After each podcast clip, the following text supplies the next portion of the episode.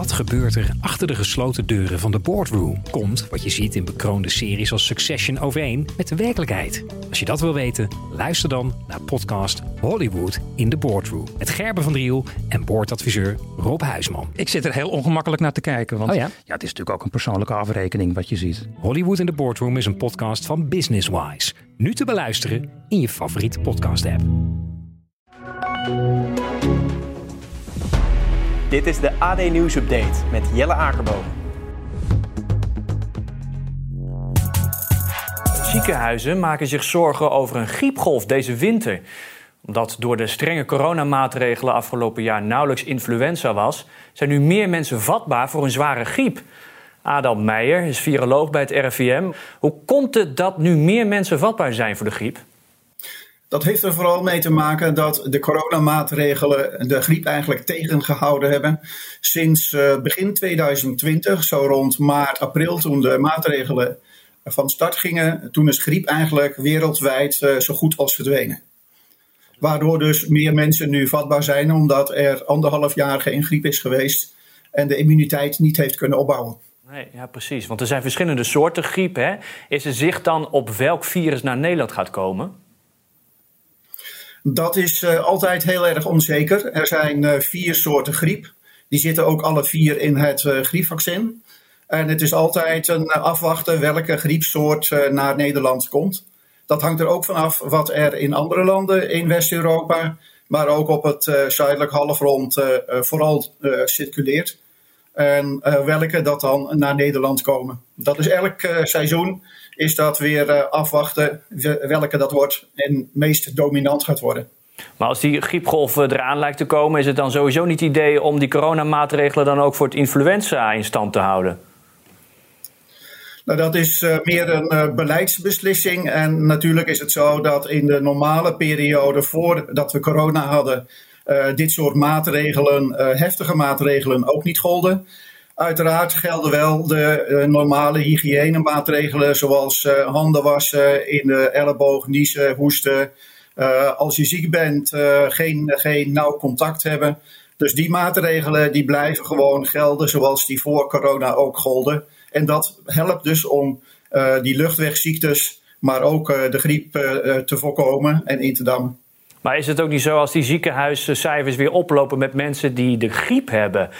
Ja, is het dan niet het idee inderdaad dan om die maatregelen weer uh, aan te scherpen? Dat is natuurlijk een uh, beleidsbeslissing uh, waarover onze regering gaat. Of dit soort maatregelen voor de griep en andere verkoudheidsvirussen, of dat daarvoor nodig is om die in te stellen of te handhaven. Ja. Nou, de griepvaccinatiecampagne begint ook weer binnenkort. Verwachten jullie nou dat meer mensen zich gaan inenten? Uh, de verwachting is wel dat dat gaat gebeuren. Afgelopen winter, dus de winter van 2020-21, uh, hebben er zich ook meer mensen dan daarvoor laten griepvaccin, tegen de griep laten vaccineren. Um, dus de ver verwachting is dat dat nu ook zal gebeuren.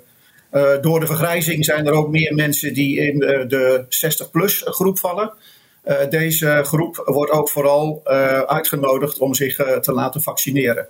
Dus we verwachten wel dat er meer uh, zal zijn dan uh, gebruikelijk.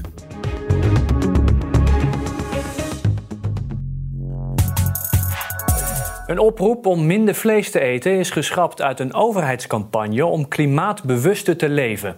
Het onderwerp minder vlees eten zou volgens het ministerie van Economische Zaken en Klimaat politiek gevoelig liggen. Dierenwelzijnsorganisatie Wakker Dier noemt het zorgelijk. Anne Hilhorst is van Stichting Wakker Dier. Uit de, stukken over het bedenken van de campagne blijkt dat minder vlees eten wel tot de doelen behoorde. Maar dat het onderwerp uiteindelijk toch van de lijst is gehaald. Wat is er gebeurd? Ja, nou dat is dus precies wat er gebeurd is. Um, het stond in de, in de plannen. Hè. Iedereen erkende hele belangrijke maatregelen, vooral voor het klimaat, minder vlees eten. Um, en de ministeries zijn bijeengekomen en hebben besloten dat het hele onderwerp maar te schrappen. En het is ook niet meer uh, opgenomen in de campagne. Ja, want minder vlees eten zou politiek gevoelig uh, uh, onderwerp zijn. Hoe is dat terug te zien? Waar, waar is dat vandaan te halen? Nou ja, uh, onder andere dus door dit soort stukken die we opgevraagd hebben, waar je echt ziet dat de overheid er omheen balanceert en zegt, ja, um, we willen het er eigenlijk niet over hebben en we willen het er niet uitdrukkelijk over hebben. Um, en iedere keer ook als het onderwerp omhoog komt, dan zie je ook wel dat het ook wel wat losmaakt hoor, in de maatschappij. Over, ja, oké, uh, maar ik wil eigenlijk geen minder vlees eten of ik vind het spannend of ik weet niet hoe. Dus het, het is ook een onderwerp wat uh, veel losmaakt, maar juist daarom moeten we het erover hebben. Want het ging tijdens de verkiezingscampagne ook over de gehaktbal, hè, die ons dan ontnomen zou worden, bijvoorbeeld. Nou, precies. En dat hoor je veel, dat mensen toch een beetje bang zijn van wat betekent dit voor mij? Nou ja, logisch. En daar moeten we het over hebben. Want wat betekent het nou voor de ministeries dat ze er op deze manier naar kijken? Nou, dat is dus het stuk dat wij heel zorgelijk vinden. Want een overheidscampagne hoort uh, gebaseerd te zijn op feiten en op, op echt gedrag wat je wil stimuleren. Um, en het feit dat ze dus dit niet durven te benoemen, omdat ze bang zijn vanwege eventuele politieke ja, gevolgen, uh, dat is eigenlijk best wel vreemd dat ze daar zo door onder druk worden gezet. Uh, dat zou niet moeten bij zo'n campagne. Wat welke gevolgen zou dat dan hebben, dat de vleesvermindering ja, niet in die campagne is opgenomen? Nou ja, um, dat het dus ook niet verandert. Dus dan krijg je een campagne als deze, waar over allerlei dingen wordt gepraat. Over oh, je moet je banden oppompen, dat is beter voor het klimaat. Um, en het hele belangrijke aspect, wat namelijk echt heel veel uitmaakt, namelijk wat eet je, dat zit er niet in. Ja, dat, dat heeft het dus ook geen effect, zo'n campagne. Want wat gaan jullie nu dan doen om minder vlees eten toch op de politieke agenda te krijgen? Nou, dit is een van de dingen. Dus aantonen hoe, um, hoe uh, mensen er omheen draaien. En we willen eigenlijk dat ze gewoon kleur bekennen en zeggen: jongens, we moeten minder vlees gaan eten. Dus dat is door, door dit soort onderzoek. We gaan hier ook verder mee. Um, en ook nog steeds natuurlijk door publieke campagnes. Omdat als zij het niet doen, doen wij het wel. Om mensen voor te lichten.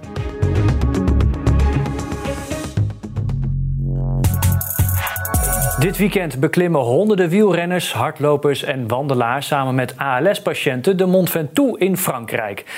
Dit doen zij om geld op te halen voor de strijd tegen de dodelijke spierziekte. Twee van hen zijn zanger en acteur Thomas Akda en Marieke Bakker, die de ziekte ALS heeft. Marieke en Thomas, ja, morgen begint de fietstocht op de Mont Ventoux. Zijn jullie er een beetje klaar voor? Ja, we zijn er allebei volgens mij helemaal klaar voor. Ja, dus uh, we moeten wel. Dus uh, half elf gaan we naar boven. Ja, we, we, bellen op dit moment met jullie. We hadden liever een live videoverbinding gehad, maar dat is niet al te best daar zo met internet. Uh, maar Marieke, nee, kan jij vertellen... Jammer, we hebben onze knapste kleren aangetrokken. Ja, ja precies. Ja. Je, je, je, wil niet weten hoe Marieke eruit ziet. Prachtig werkelijk. Nou, we krijgen de foto's vast wel toegestuurd. Marieke, kan jij vertellen hoe beïnvloedt ALS jouw leven? Uh, nou ja, ja, het zit heel je leven op zijn kop. Uh, ik was nog heel jong toen ik de diagnose kreeg. En ik uh, deed de opleiding tot huisarts. En daar moest ik ook mee stoppen door de ziekte. Dus ja, je hele toekomstbeeld verandert. Maar het is wel heel mooi dat um, zoiets als de Tour de ALS ja, toch ook hele mooie dingen brengt. Dus uh, de ziekte zelf is heel naar, maar alles eromheen uh, ja, is ook uh, heel positief. En ik heb er ook gewoon heel veel nieuwe mooie herinneringen bij gekregen. Want hoe is het om straks met Thomas Akda in een peloton te fietsen? Ja, dat is heel bijzonder. we hebben een groot team en ja, dit is voor mij de achtste keer en voor Thomas de tweede keer. En uh, vorig jaar is hij spontaan uh, aangehaakt. En uh, ja, dat was natuurlijk super bijzonder. En uh, ja, het is heel mooi om met een ziekte waarbij je eigenlijk heel weinig nog kan, om toch met z'n allen ja, die zware berg op te fietsen. En ja, het hele team helpt er aan, aan mee en ik word letterlijk omhoog geduwd. En uh, vorig jaar waren we heel blij dat uh, Thomas ook nog aanhaakte. Want die heeft uh, veel power. Dus die heeft goed, goed geholpen. Ja, want Thomas, ja, we hoorden het Marieke net al vertellen. Het is voor jou de tweede keer. Waarom vind je het belangrijk om je in te zetten voor de Stichting ALS? Nou ja, ik begrijp steeds dat we er bijna zijn. Dus als ik dokter Lennart spreek, de, de arts die de boel regelt en ook uh, alles globaal over de hele wereld in Utrecht gekregen heeft. Dus wat ze in Amerika en Rusland en Tanzania uitvinden, wordt meteen naar Utrecht doorgestuurd. Zodat niet iedereen op zichzelf een onderzoek doet, maar dat alles gecombineerd wordt. Die zegt steeds, we zijn er bijna, we zijn er bijna. En dat zou natuurlijk het allermooiste zijn als je een, een, een, een goed doel hebt, een actie onderneemt die opgelost kan worden. Zodat we straks niet meer die rotberg op hoeven. Ja, ja. Want ja, vorig jaar kon de Tour niet doorgaan vanwege corona. Hoe ziet, uh, hoe ziet de tocht er dit jaar anders uit? Is, is, is er, uh, zijn er aanpassingen? Nee, het mag gewoon. De, de, de vorige keer is hij afgelast. De keer daarvoor mochten we eigenlijk maar tot de helft. Maar wij waren het eerste team wat vrolijk doorgezwaaid werd. Van ga maar door, ga maar door. En Marieke kan nog steeds vrolijk vertellen over hoe ik uh, gescholden heb toen we nog eens 10 kilometer moesten. Maar goed, Marieke heb ik pas de eerste keer boven gezien. Want ik, ik haakte achteraan met het duwen. Ja. Dus we hebben elkaar pas de hand geschud boven. Dat was uh, Ja, en toen zei, toen zei hij ook nog uh, van... Goh, het is ook leuk om je een keer van de voorkant uh, te zien. ja, ik had je niet gezien. Ja. Zeg, en wat hopen jullie nou allebei uh, dit jaar op te halen voor de stichting? Uh, nou, we hebben met het team al uh, ruim 90.000 euro opgehaald. En uh, ja, we hebben geen einddoel. Het is gewoon zoveel mogelijk. En ja, het is nog steeds heel belangrijk, want onderzoek kost gewoon heel veel geld. En het is heel belangrijk om toch een behandeling te kunnen ontdekken. En ja hoe meer, hoe beter, zullen we maar zeggen. Dus uh, als de mensen luisteren, doneer, doneer, doneer.